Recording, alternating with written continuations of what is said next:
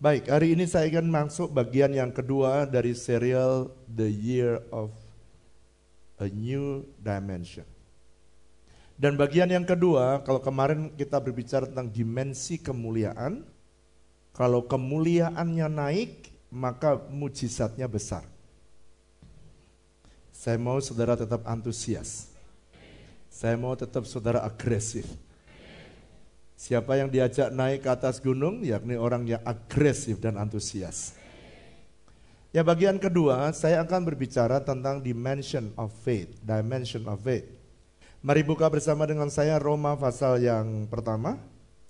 Kitab Roma pasal yang pertama, ayat yang ke-16 dan 17. Mungkin sebelum saya bicara panjang, saya ingin mendefinisikan terlebih dahulu apa yang disebut dengan mujizat mujizat itu, saudara kalau dimensi kerohanian saudara naik, saudara pasti akan mengalami mujizat-mujizat lebih banyak. Dari amenmu belum semua antusias. Jadi apa sih Pak mujizat itu? Mujizat itu sebenarnya adalah perkara-perkara yang supranatural. Yang sebenarnya saudara dan saya tidak bisa alami, tetapi karena saudara, karena saudara naik dimensi iman saudara, maka saudara bisa mengalami pengalaman yang supranatural bisa jadi dalam hidup kita yang natural ini. Jadi saudara kegiatan kita ada yang natural tapi juga ada perkara-perkara yang Tuhan kerjakan di luar kemampuan kita, itulah yang disebut dengan mujizat. Mari buka Roma pasal 1 ayat yang ke-16 dan 17. Mari baca dengan suara keras. 1, 2, 3. Sebab aku mempunyai keyakinan yang kokoh dalam Injil. Karena Injil adalah kekuatan Allah yang menyelamatkan setiap orang yang percaya. Pertama-tama orang Yahudi, tetapi juga orang Yunani. Setelah itu orang Tangerang. Kok nggak ada suaranya, cuma saya tok yang ngomong. Karena saya percaya maka saya berkata-kata. Ayat 17, 1, 2, 3. Sebab di dalamnya nyata kebenaran Allah yang bertolak dari iman dan memimpin kepada iman. Seperti ada tertulis, orang benar akan hidup oleh uang. Oh bukan, apa ya? Iman, bagus, bagus. Berarti melek semua. Baik. Sekarang perhatikan.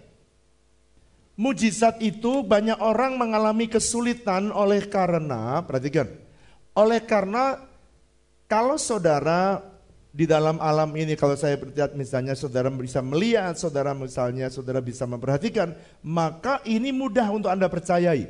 Kenapa orang mengalami kesulitan mengalami mujizat? Oleh karena tidak kelihatan di sorga itu enggak kelihatan. Tetapi saya mau supaya saudara ngerti. Perhatikan ya, saya ke depan supaya Anda punya understanding kerajaan sorga, tempat di mana semua tersedia, Efesus pasal 1 ayat 3, itu kerajaan sorga itu real. Bilang sama saya real. But invisible. Jadi real, lebih real daripada gereja ini, lebih real daripada bangunan ini. Ada tahtanya Tuhan bertata di sana dan dia berkata semua tersedia, kesembuhan tersedia, mujizat tersedia, keuangan tersedia, kebahagiaan keluarga tersedia. Tapi kenapa banyak orang struggle dan tidak mengalami pertolongan Tuhan dan nggak mengalami mujizat?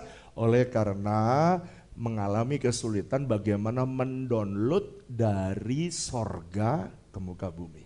Semua tersedia di sorga. Oleh karena tersedia di sorga, maka saudara mesti harus belajar alat tuker yang berlaku di sorga. Amin, amin. Orang benar akan hidup oleh bukan uang. Kalau uang, maka saudara hanya orang kaya yang bisa menikmati kemuliaan sorga datang di muka bumi. Sekarang perhatikan lihat saya ke depan. Saya mau menjelaskan pelan sebelum saya masuk lebih dalam. Air ini kelihatan. Saudara kelihatan nggak airnya? Kelihatan. Sekarang saya mau memindahkan air ini di layar saudara. Anggaplah, apakah bisa dikeluarin? Saya keluarin air ini, anggaplah 600 ml saya taruh di gelas. dan saya punya alat tukernya, yakni temperatur, panas. Bisa panas, pindah dingin. Pada waktu saya panaskan 100 derajat, maka tiba-tiba airnya hilang dan berubah menjadi apa? Uap air. Bagus. Sekarang pertanyaan saya, uap airnya sebenarnya ada di mana? Di udara. Saya tanya saudara, kelihatan apa tidak? Tapi saudara bisa percaya bahwa di sini ada uap air. Kalau di sini yang tidak kelihatan, saudara bisa percaya kok. Walaupun Anda nggak bisa raba, Anda bisa percaya. Dan udara tadi saya juga bisa kembalikan supaya dari yang tidak kelihatan ini ada namanya relative humidity. Itu perbandingan uap udara atau udara atau uap air dibanding dengan kepekatan maksimal. Itu namanya relative humidity. Jadi di sini ada makanya dia ada panas. Dan kemakan kalau saudara keluar dari tempat ini ada AC yang mengeluarkan temperaturnya dirubah. Makanya dia berubah temperaturnya diturunkan. Wah bisa kembali lagi. Dari yang tidak kelihatan ini kelihatan. Wah ini mujizat pak. Bukan. Ini pelajaran IPA. Kalau kau dulu masuk pelajaran IPA, ini yang namanya kalau tadi menguap. Keluar, tiba-tiba berubah. Saya bisa mengembalikan kembali menjadi uh, menjadi uh, uh, uh, air kembali. Saudara perhatikan kalau saudara yang kelihatan jadi tidak kelihatan dan dari yang tidak kelihatan bisa jadi kelihatan dalam alam jasmani apalagi perkara-perkara di sorga. Sorga tidak kelihatan tapi real. Lebih real daripada uap air yang ada di tempat ini. Saya pengen dimensi rohani saudara naik, kemuliaan Tuhan bisa naik dalam dimensi yang baru supaya saudara bisa mendownload apa yang tidak kelihatan dengan matamu hari ini bisa datang dari sorga, bisa turun ke bumi. Dan itulah yang disebut dengan mujizat. Demi mujizat, demi mujizat, demi mujizat terjadi. Yang mengerti katakan amin. Nah Roma pasal 1 ayat 6 sampai 17 berkata gini, Injil itu adalah kekuatan Allah. Kenapa disebut kekuatan Allah? Saudara kekuatan Simpson ada batasnya, tapi Injil kekuatan Allah, Anda bisa andalkan. Dan dia akan menyelamatkan, saya garis bawahi, menyelamatkan. Menyelamatkan orang yang percaya, pertama orang Yahudi, kedua orang Yunani, ketiga orang Tangerang. Kenapa bisa menyelamatkan? Sebab di dalamnya nyata kebenaran Allah yang bertolak dari iman dan memimpin kepada iman. Pak maksudnya gimana sih? Saudara dan saya ini kalau percaya kepada firman Tuhan, firman Tuhan itu kayak rule, kayak hukum yang Tuhan buat supaya saudara dan saya bisa selamat. Mari katakan bersama saya, kalau saya, kurang keras kalau saya melakukan setiap firman Tuhan, hidup saya selamat. Perhatikan, saudara selamat kalau Anda melakukan hukum keluarga Anda lakukan, saudara selamat keluargamu. Kalau ada hukum keuangan saudara lakukan, keuanganmu selamat. Ada hukum bisnis, bisnis saudara lakukan sesuai firman Tuhan, maka bisnismu selamat. Kalau Anda pengen masuk surga, ada hukum-hukum kekekalan Anda lakukan, saudara pasti masuk surga.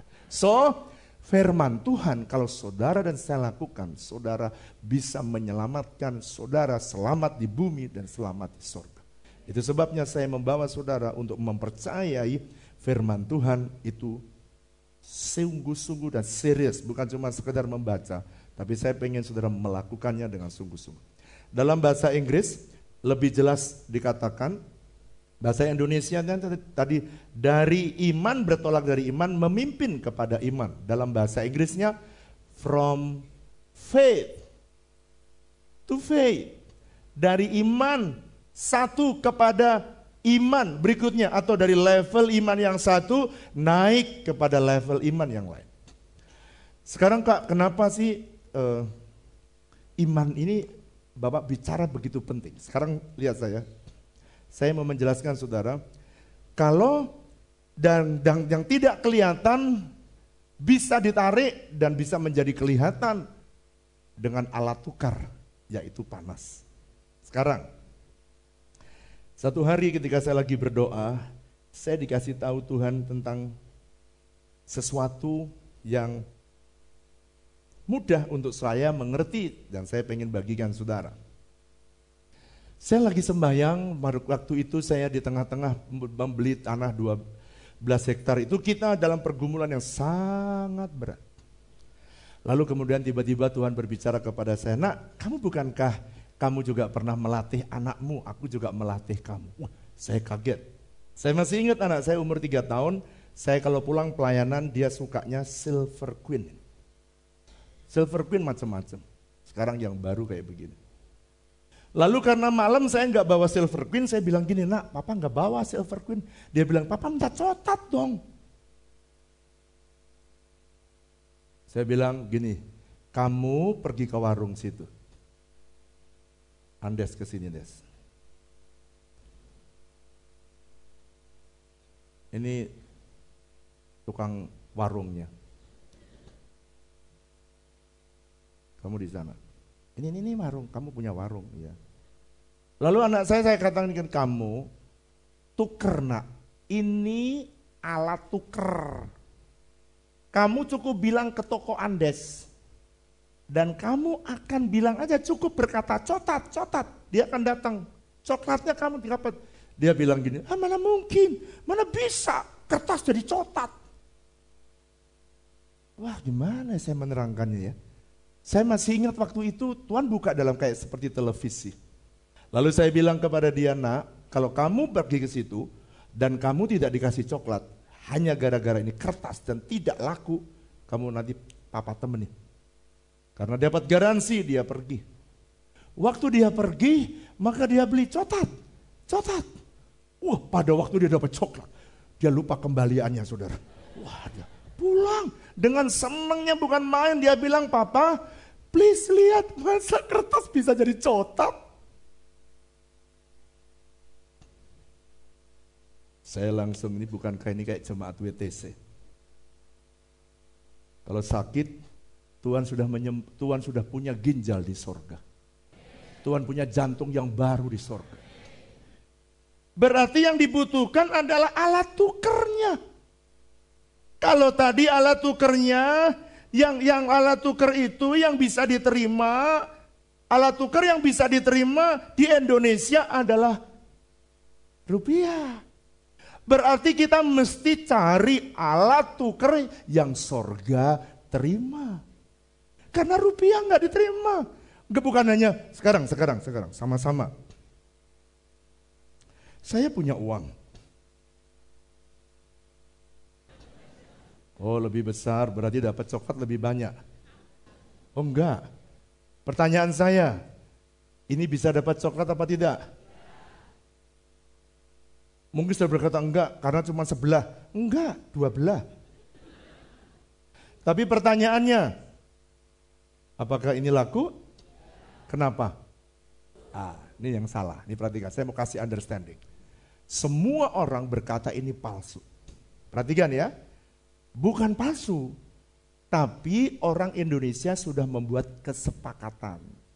Ini asli. Ini tidak asli, tidak laku. Ini laku, tidak laku. Jadi karena kesepakatan kita ini maka ini tidak laku. Contoh, karena ini kesepakatan untuk orang Indonesia maka di warung mana aja dia bisa laku ini. Tetapi kalau saya pengen barang yang ada di Amerika, saya tanya, laku nggak ini? Apakah ini palsu? No, karena kesepakatannya, perhatikan, jadi apa sih yang kalau gitu Pak iman eh, apa sih kalau gitu nilai tukar nilai tukar itu di setiap negara tergantung kesepakatan. Kalau saya mau beli barang di Inggris apa yang harus saya bawa? Saya harus punya pound sterling untuk bisa tukar di warung-warung di restoran-restoran. Saya mesti pakai pound sterling.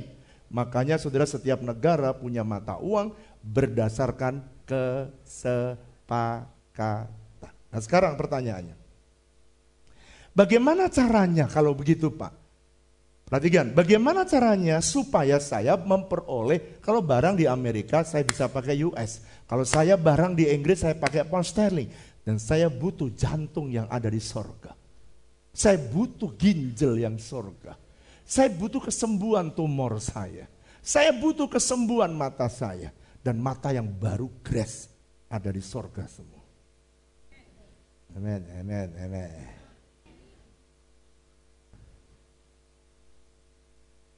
Sekarang, apa sih Pak alat tuker yang laku dan bisa berlaku dan sorga bisa terima? Apa yang bisa berlaku dan sorga bisa bisa bisa terima dan sorga alat tukar atau Indonesian currency rupiah. Heaven currency is not rupiah, it's not US dollar, it's not gold or silver. Heaven currency is faith, iman. Oleh karena itu, orang iman adalah alat tukar yang berlaku di surga untuk segala sesuatu yang Anda perlukan untuk saudara segala sesuatu yang saudara perlukan untuk bisa turun di muka bumi. Mari katakan bersama saya, kalau saya, kurang keras kalau saya, butuh mujizat, semua yang ada di sorga, saya hanya butuh yang keras. Butuh apa? Iman. Jadi iman begitu penting untuk bisa mengambil, mendownload. Jadi kalau begitu, kalau memang iman itu seperti layaknya mata uang, Berarti dengan kata lain, iman saudara semakin saudara punya iman yang besar, saudara punya kemampuan untuk menukar dari sorga yang lebih banyak, lebih besar, lebih banyak. Jim Rohn dia berkata, faith is ability to see things that don't yet exist. exist. Iman itu adalah kemampuan untuk bisa melihat apa yang belum terlihat, belum telah, belum ada di muka bumi ini. Oleh karena itu, ini pesan Tuhan. Jadi kalau begitu saya tanya, kalau memang iman itu adalah alat tukar, semakin besar iman kita semakin banyak mujizat yang saudara bisa peroleh. Kalau begitu jemaat harus punya iman yang apa? Yang keras, besar. Siapa yang pengen punya iman besar? Bilang sama Tuhan, Tuhan saya mau iman saya bertumbuh menjadi besar. Bilang yes. Saudara dengarkan kebenaran hari ini dan saya berdoa, agak cepat saya bicara, supaya saudara bisa dapat kebenarannya dan Anda pulang saya berdoa sorga pintunya akan terbuka buat saudara, buat keluargamu, buat bisnismu, buat semua persoalan yang saudara hadapi. Ada Tuhan yang sanggup untuk menolong kita, yang mengerti katakan amin. Sekarang mari baca Roma pasal 12 ayat 3. Rasul Paulus mengajarkan jemaat di Roma untuk memikirkan sesuai Roma pasal 12 ayat yang ketiga. Anda perhatikan. Orang Roma banyak yang bonek kayak orang Surabaya. Bonek itu beda dengan boman. Mari buka bersama saya. Ayat 3 ya. 1, 2, 3. Berdasarkan yang dianugerahkan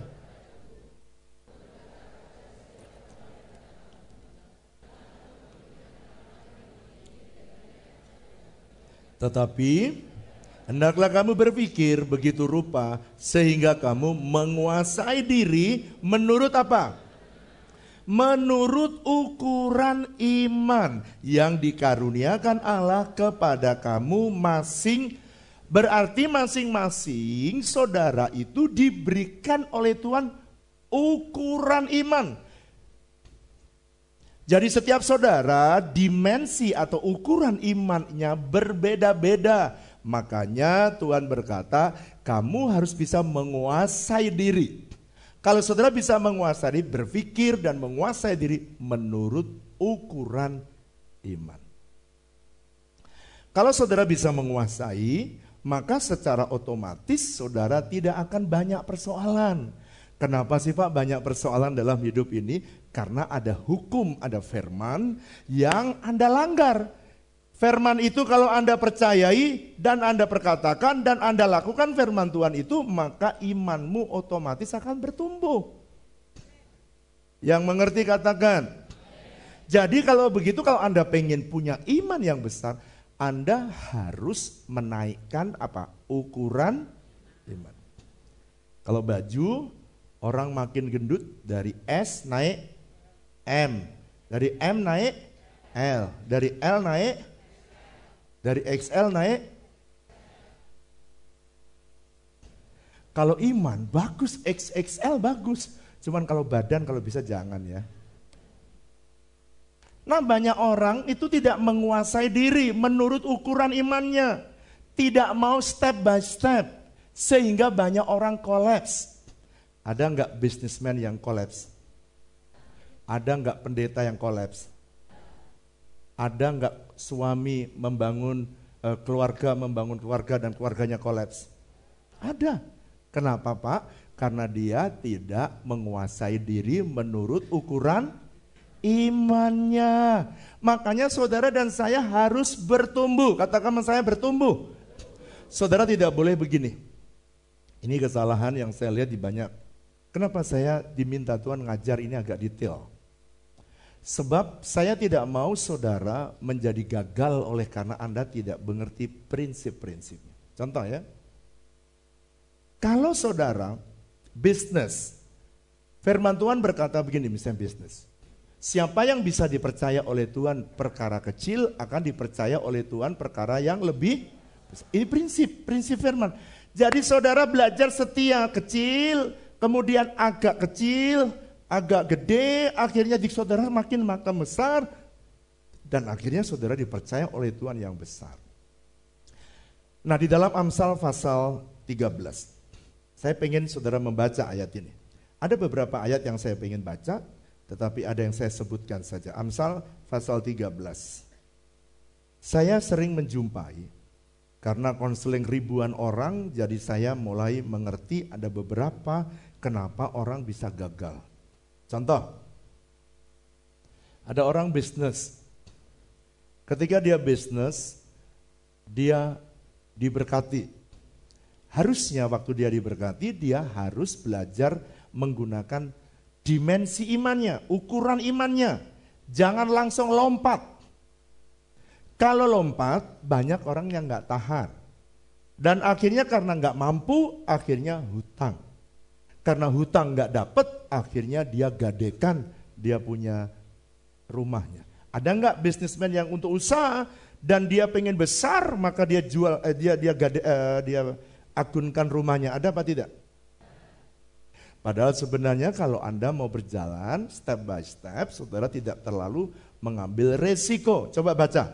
Kalau orang terlalu pengen cepat mendapatkan kekayaan, mari mari baca ayat 11. Hati-hati. Satu, dua, tiga. Harta. Mari baca dengan keras. Ayat 11. Satu, dua, tiga. Tetapi Tuh, kan sama. Siapa yang bisa setia dalam perkara kecil, maka Tuhan akan percayakan perkara yang lebih besar. Sama, harta yang diperoleh dengan cepat, maka akan berkurang cepat. Makanya orang yang greedy nggak tahan, saudara.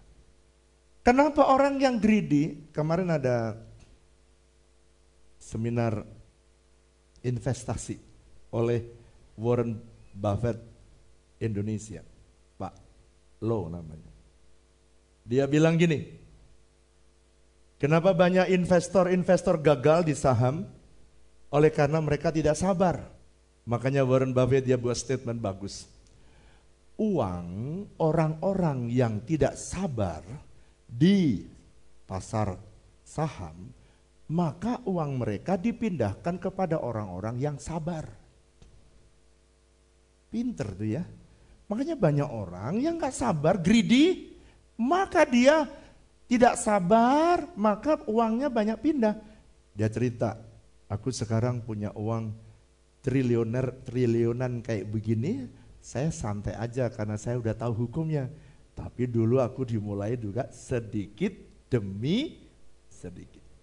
Saya tanya saudara, saya tanya, kalau seandainya saudara belum mampu menguasai, misalnya Saudara diper, dipercaya Tuhan 10 juta mampu, maka Tuhan akan percayakan saudara 100 juta. 100 juta mampu, maka saudara akan dipercayakan 1 miliar. 1 miliar mampu, saudara dipercayakan 10 miliar.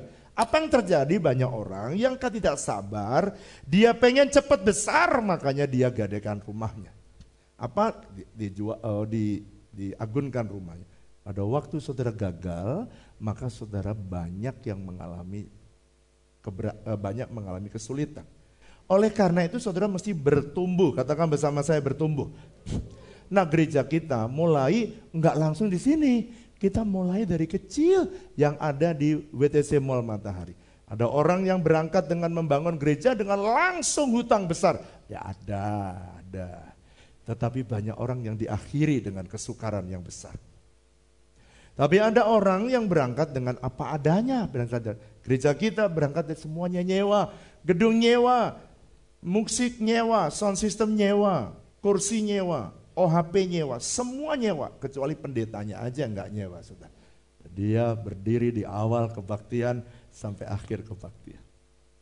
Jadi kenapa penting Alkitab mengatakan kamu harus berpikir menurut menguasai menurut ukuran iman. Jangan berlebih. Kalau kita kalau kalau nyewa kan oh enggak sewa saja. Lalu kemudian percaya oleh Tuhan makin besar makin besar kita pindah ke sini.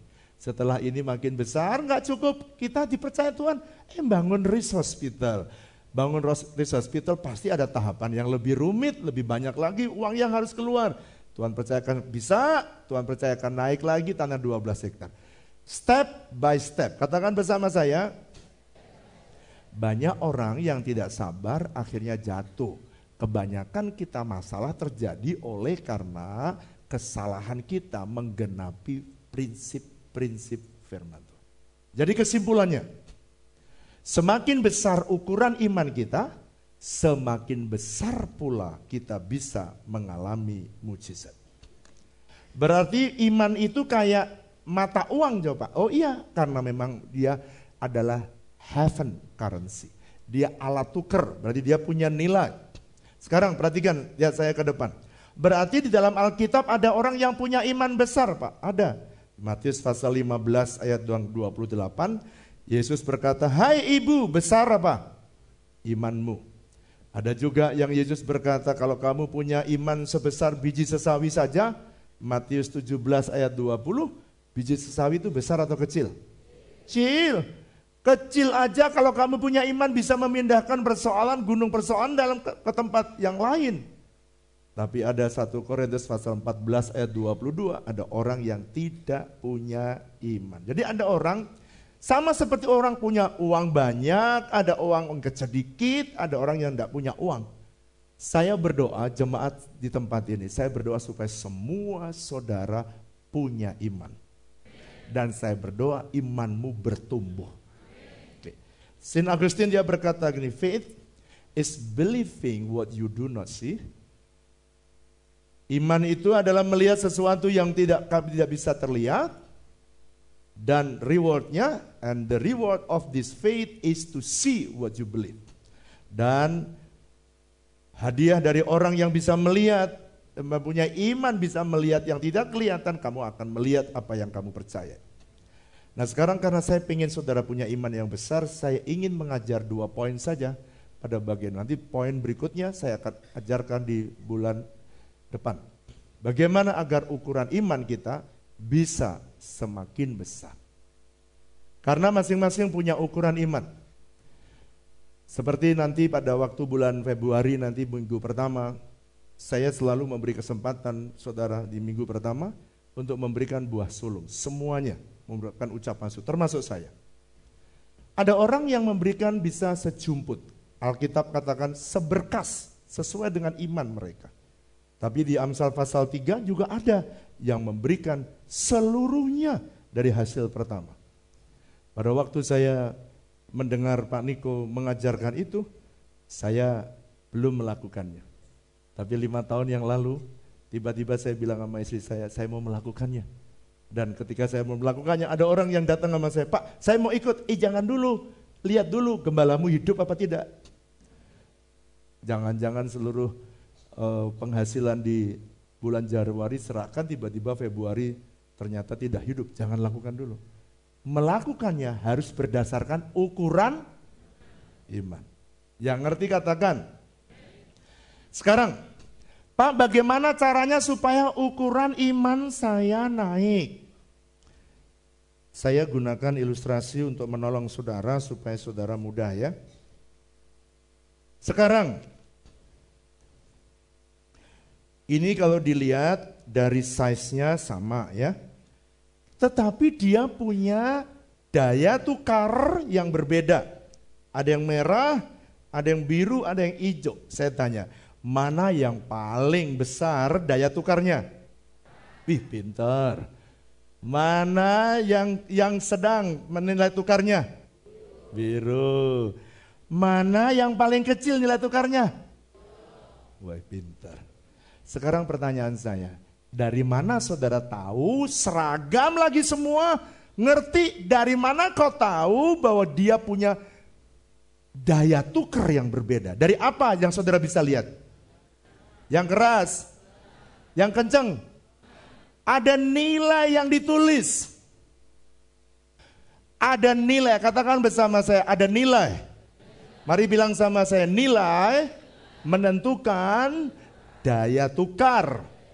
Dama dengan sama-sama seperti saudara, bagaimana saudara punya daya tukar dengan sorga lebih besar kalau saudara juga menghidupi nilai kebenaran. Saya berdoa supaya Anda bisa menangkap. Semakin seseorang menghidupi nilai kebenaran dalam hidup dia, imannya otomatis. Katakan bersama saya, yang keras. Makanya kenapa kalau saudara datang ke gereja ini saya suruh saudara mencatat. Sebab urutannya gini, membaca, merenungkan, mencatat, melakukan, dan membagikan. Saudara kalau semakin melakukan banyak firman Tuhan, imanmu semakin besar. So, saudara ngerti kenapa saya ajak saudara baca Alkitab, baca Alkitab, baca Alkitab. Step berikutnya, jangan cuma baca Alkitab. Lakukan, lakukan, lakukan, lakukan. Dan itu sebabnya saya ingin saudara bertumbuh step by step. Jadi dengan kata lain, perhatikan. Perhatikan. Saya tetap pegang ini. Anggaplah sekarang saya melihatnya ini saudara bukan lagi kertas tapi ini jemaat WTC. Ada jemaat WTC yang punya iman nilainya 100. Ada yang imannya 50 dan ada yang imannya 20. Perhatikan lihat saya ke depan, saya jelaskan ini. Pak, dari mana Pak iman itu bisa berbeda dari 20 bisa jadi 100? Bagaimana caranya? Kalau saya pengen 100, maka saya mungkin orang ini 100, dia punya 250. Tapi ketika datang ke WTC, maka yang 20 ini setiap kali Pak Wiryo khotbah dilakukan. Dapat jadi? Setiap kali disuruh mencatat khotbah, melakukan. Amen. Amen. Disuruh mencatat khotbah, dilakukan. Disuruh melakukan firman Tuhan, dilakukan. Tadinya cuma 20 nilainya. Tapi karena taat Tuhan, maka Tuhan bilang ini, wah dia setiap minggu mendengarkan firman Tuhan dengan serius dan melakukannya. Tambah lagi iman. Maka yang imannya tadi cuma nilainya 20 karena dia melakukan setiap prinsip firman Tuhan, maka walaupun ijo-ijo tapi ada lima. Ijo-ijo dengan lima sudah sama dengan yang seratus. Betul apa betul? Sekarang kalau yang seratus nggak pernah bertumbuh. Tapi yang dua puluh bertumbuh terus. dua puluh dua puluh Sampai akhirnya sepuluh biji. Saya tanya mana yang lebih besar nilainya? Jadi ijo tidak selalu menjadi nilai iman yang rendah. Karena ijo juga bisa menghidupi firman. Semakin saudara menghidupi setiap firman yang tertulis, saudara akan bertumbuh iman saudara dan saudara akan bisa melihat mujizat semakin besar dalam hidup saudara. Tepuk tangan yang meriah buat Allah kita. Yang mengerti katakan amin. Jadi dengan kata lain semakin saudara punya kapasitas untuk melakukan firman Tuhan, maka saudara punya kekuatan untuk mengalami perkara-perkara yang lebih besar. Jadi Kalau begitu, penting betapa pentingnya saudara dan saya itu menghidupi. Contoh, kalau Tuhan menginginkan kita jujur, jadilah orang yang jujur. Begitu Anda jujur, nilaimu naik. Begitu Anda setia sama istrimu, ada nggak ya laki-laki nggak setia sama istri? Ada, tapi bukan di sini toh.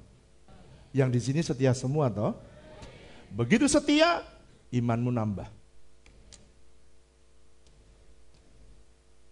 Yang yang biru tidak selamanya di tengah. Kok berkurang? Oh enggak.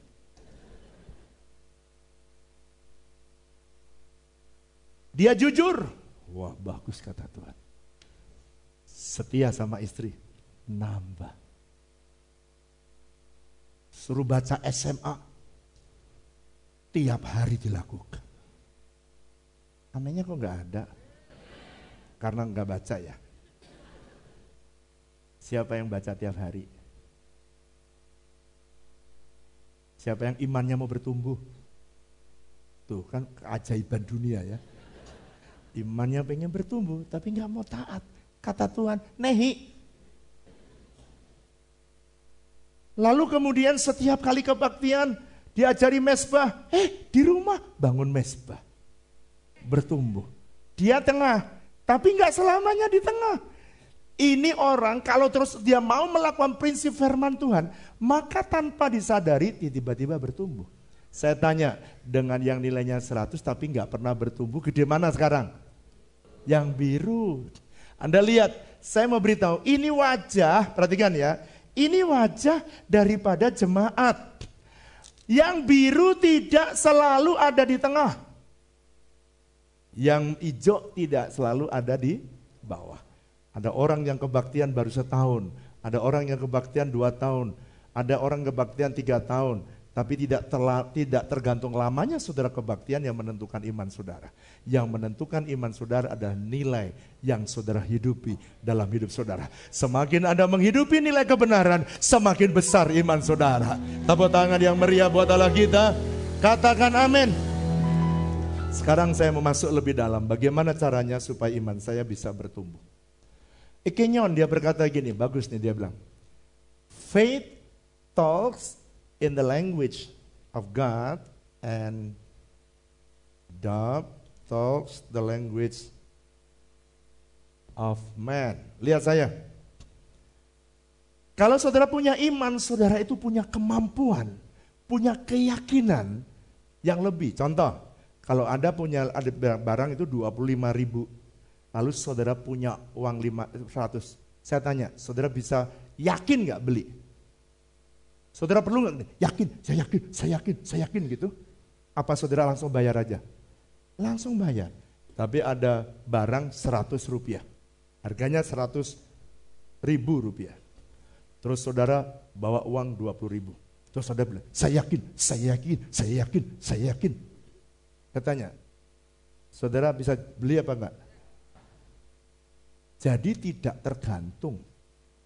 Jadi kalau saudara itu Kenapa saudara, kalau orang beriman, saudara itu gak pernah khawatir. Mari bilang sama saya, kalau saya punya iman, saya tidak perlu khawatir. Amsal, bagaimana Pak? E, bagaimana caranya supaya saya bisa bertumbuh? Oh, oh, sorry, sorry, sorry. Bagaimana agar ukuran iman kita bisa bertumbuh? Nomor satu, ukuran iman bisa bertumbuh kalau saudara menghidupi nilai kebenaran. Tadi belum saya coret, belum saya. Udah tadi? Udah. Semakin banyak kita menghidupi nilai kerajaan, maka semakin besar ukuran iman. Tadi sudah ya? Oke, okay, good. Lalu yang ketiga, perhatikan. Saya mau memberikan contoh beberapa firman yang sering kali tidak dikerjakan, tidak dilakukan, yang mengakibatkan saudara jadi punya problem. Amsal 22 ayat 26, saudara baca di rumah nanti. Janganlah engkau termasuk orang, dia bilang, yang membuat persetujuan dengan orang persetujuan dan menjadi penanggung hutang. Saya minta Anda sini. Contoh ya, contoh. Saya pengen supaya saudara itu membaca firman Tuhan itu clear, jelas. Misalnya Andes punya pabrik Silver Queen, anggap dia pengusahanya. Anda seharusnya uh, melakukan prinsip firman Tuhan yang membuat dia bisa bertumbuh. Misalnya, kamu menghadap sana, kamu pengusaha.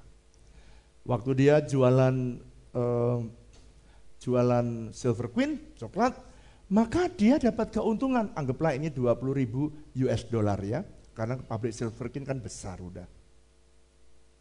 Waktu dia bertumbuh, dia harusnya menanti sampai pada waktu kerja lagi dapat keuntungan. Perusahaan mulai bertumbuh lagi dapat keuntungan. Pada waktu perusahaan bertumbuh lagi dapat keuntungan. Seharusnya semua usaha harus dimulai dari step by step. Tapi ada orang pada waktu dia mempunyai uang, maka sebenarnya dia ini diajari punya kekuatan. Katakan bersama saya kekuatan karena mengelola itu juga adalah kekuatan. Tapi ada orang yang pengen jalan pintas. Apa yang dilakukan? Dia belum punya kekuatan untuk membangun usaha yang lebih gede. Tapi dia datang kepada abangnya, anggaplah saya abangnya. Karena dia orang Batak. Abangnya dari Jawa.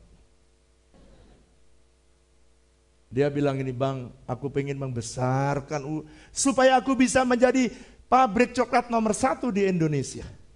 Tapi dia tidak sabar menanti step by step. Maka apa yang dilakukan? Dia minta, kamu utang. Begitu utang, saya bilang saya nggak punya duit. Lalu dibujuk, boleh nggak abang tolong sertifikat rumah itu di diagunkan di bank? Pasti saya bawa pulang, pasti saya bayar. Saya tanya, ada nggak orang yang seperti ini? Bukan ada, banyak. Lalu dia dengan sekejap, perhatikan, dengan sekejap, anggap yang saya pegang ini semua US dollar. 50 ribu US dollar, 100 ribu US dollar, oke? Okay? Sekejap. Waktu dia dapat uang sekejap, dia belum membangun kekuatannya. Makanya dia, perhatikan ya, perhatikan. Dia ini, dia ngatur uang sembarangan karena dia belum melatih cara mendapatkan uang step by step. Akhirnya rugi, Cepat cepat khotbahnya. Rugi. Waktu rugi bisa bayar bank nggak? Bisa. Akhirnya bank nggak bisa bayar, akhirnya uangnya uh, uh, uh, perusahaannya disita. Tapi bukannya perusahaan yang disita. Apalagi yang disita? Rumah abangnya disita. Itu sebabnya Alkitab tulis gini. Nanti saudara baca. Amsal pasal 17 ayat 8. Amsal 17 ayat 8. Mari baca. Kalau saudara punya, kalau nggak ada, nggak apa-apa. Amsal 17 ayat 18, orang yang menjadi penanggung hutang sesamanya, dia tidak berakal budi. Atau kalau bahasa Inggrisnya, hoblok. Ini orang yang menjadi penanggung hutang, kata Amsal, dia adalah orang yang tidak berakal budi. Kalau bahasa Inggrisnya, hoblok. Bukan berarti Tuhan nggak mau menolong, bukan. Oh, Tuhan nggak senang dia naik tinggi, bukan, bukan. Oh Tuhan nggak senang dong dia bertumbuh jadi besar, bukan. Tapi ada hukumnya. Firman Tuhan adalah hukum yang harus saudara taati. Itu sebabnya saya tidak pernah mau. Kalau bukan Tuhan yang menyuruh, saya tidak pernah mau menonjolkan diri tidak pernah mau. Kenapa? Karena Tuhan yang lihat. Kalau iman kita cukup, iman gereja ini cukup, maka Tuhan akan membawa gereja ini naik pada dimensi yang baru. Perhatikan, kekuatan kita bukan terletak pada berapa kita punya uang. Tapi kekuatan kita terletak pada kepercayaan pada janji-janji firman yang datang dalam hidup kita. Yang mengerti katakan, mari bilang sama saya, kekuatan kita bukan terletak berapa banyaknya uang. Tetapi kekuatan kita terletak keyakinan kita akan firmannya. Sekarang yang kedua, ayat yang sering diremehkan orang lain. Mari buka kejadian pasal 2. Saya sengaja mengambil beberapa yang sering diremehkan. Saya ingin supaya Anda baca sungguh-sungguh. Kejadian pasal 2 ayat 24. Ayo baca dengan suara keras. Sudah? Satu, dua, tiga. Sebab itu seorang laki-laki akan meninggalkan ayahnya dan ibunya dan bersatu dengan istrinya sehingga keduanya menjadi Saya tanya, ayat ini jelas apa tidak? Jelas. Alkitab tulis, biarlah seorang laki-laki meninggalkan ayahnya dan ibunya dan bersatu dengan istrinya. Harusnya bersatu dengan istrinya. Tapi banyak orang bersatu dengan istrinya supaya ngirit tinggal di pondok mertua indah. Saya tanya, ada nggak orang Kristen yang begini? Gagal saya mengajar. Banyak orang meremehkan. Sekarang ya, apa-apa yang terjadi kalau saya meremehkan firman ini? Sebab itu seorang laki-laki akan meninggalkan ayahnya dan ibunya dan bersatu dengan istrinya. Harusnya walaupun misalnya nggak punya belum orang tua belum bisa belikan rumah yang ngontrak. Nggak apa-apa. Lebih baik. Pak apa akibatnya? Kalau seandainya dia kumpul di pondok mertua indah. Akibat pertama laki-laki harusnya ngambil keputusan sebagai decision maker sebagai kepala keluarga tapi karena kumpul sama mertua, maka si anak ini selalu tanya sama maminya. Maka siapa yang jadi keput pengambil keputusan? Mami. Jadi mantunya ini di rumah nggak pernah punya decision maker. Akibatnya, akibatnya jadi anak yang tinggal di rumah orang tuanya atau eh, laki-laki uh, yang tinggal di rumah mertuanya maka anak mau nyuci sendiri, mamanya bilang, ya usah, toh di rumah mama ada pembantu, nggak usah nyu, nyuci. Mau masak nggak usah masak. Padahal suaminya butuh makanan dari masakan dia. Nggak usah ada pembantu. Akibatnya anaknya jadi ketung. Ketung itu apa ya?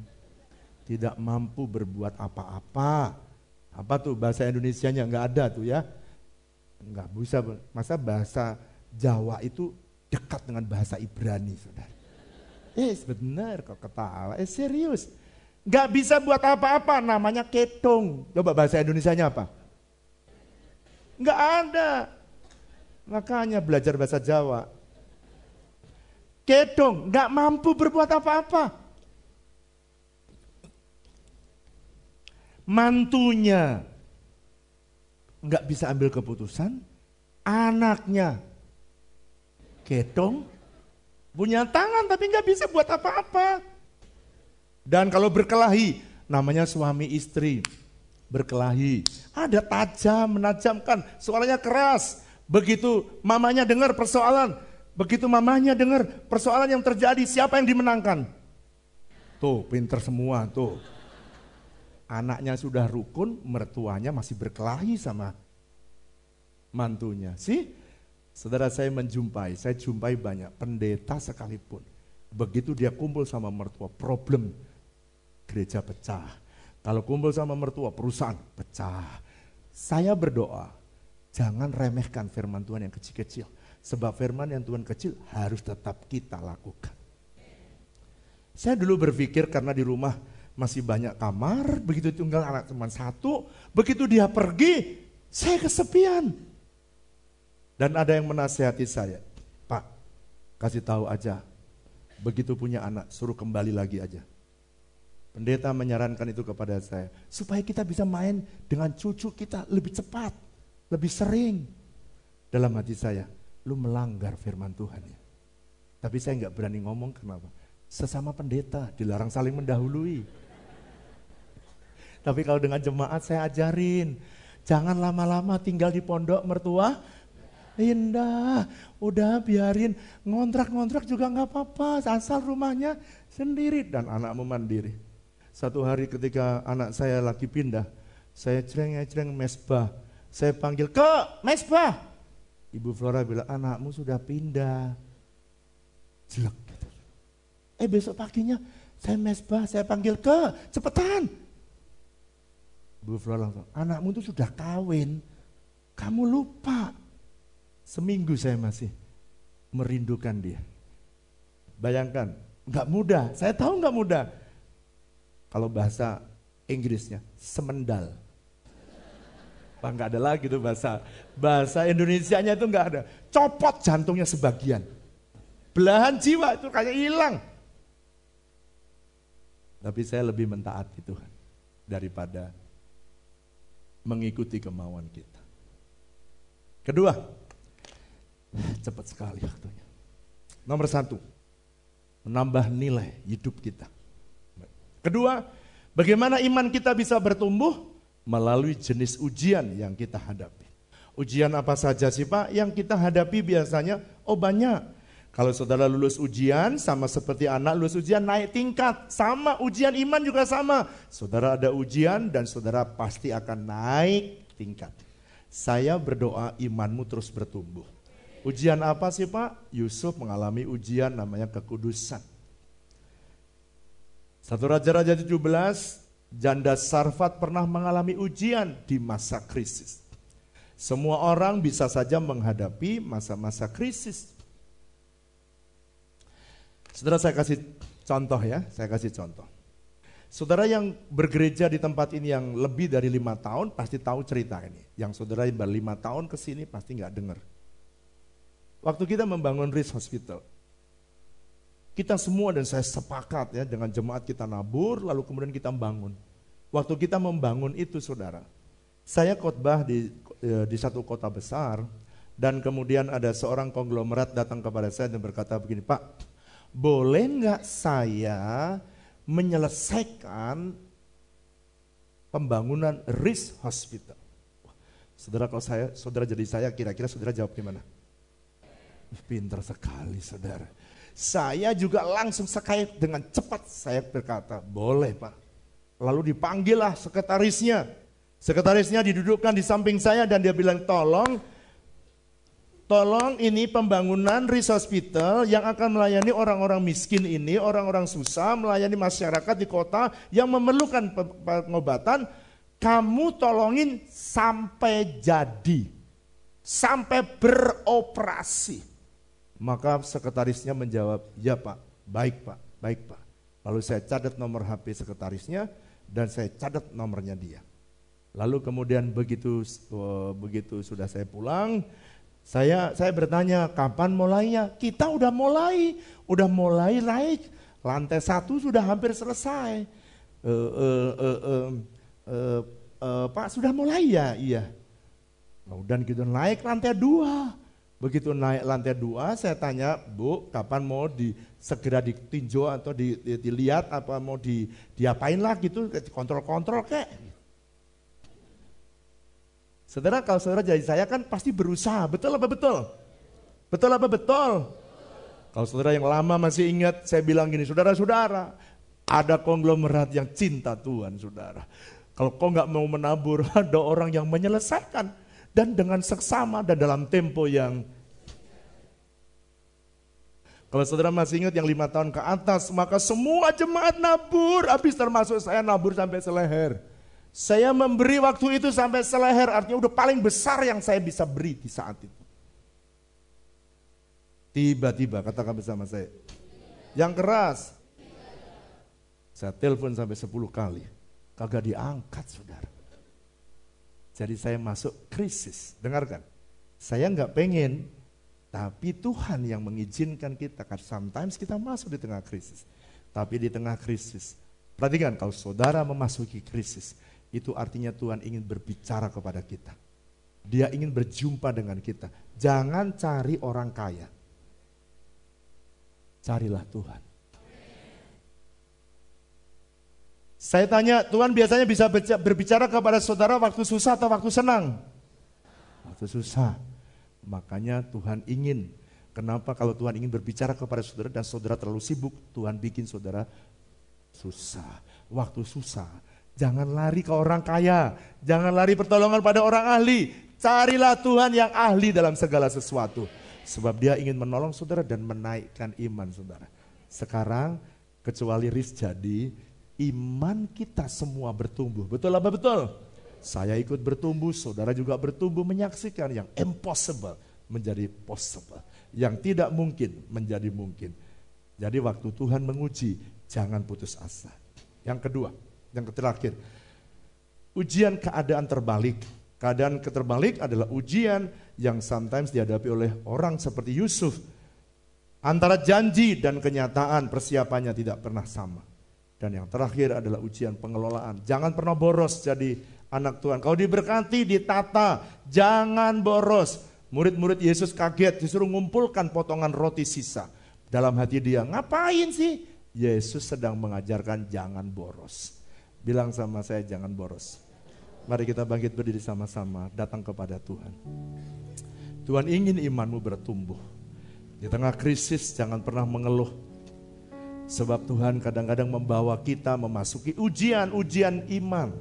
Dan waktu ujian iman itu datang jangan pernah putus asa. Karena ada Tuhan yang pasti menolong kita.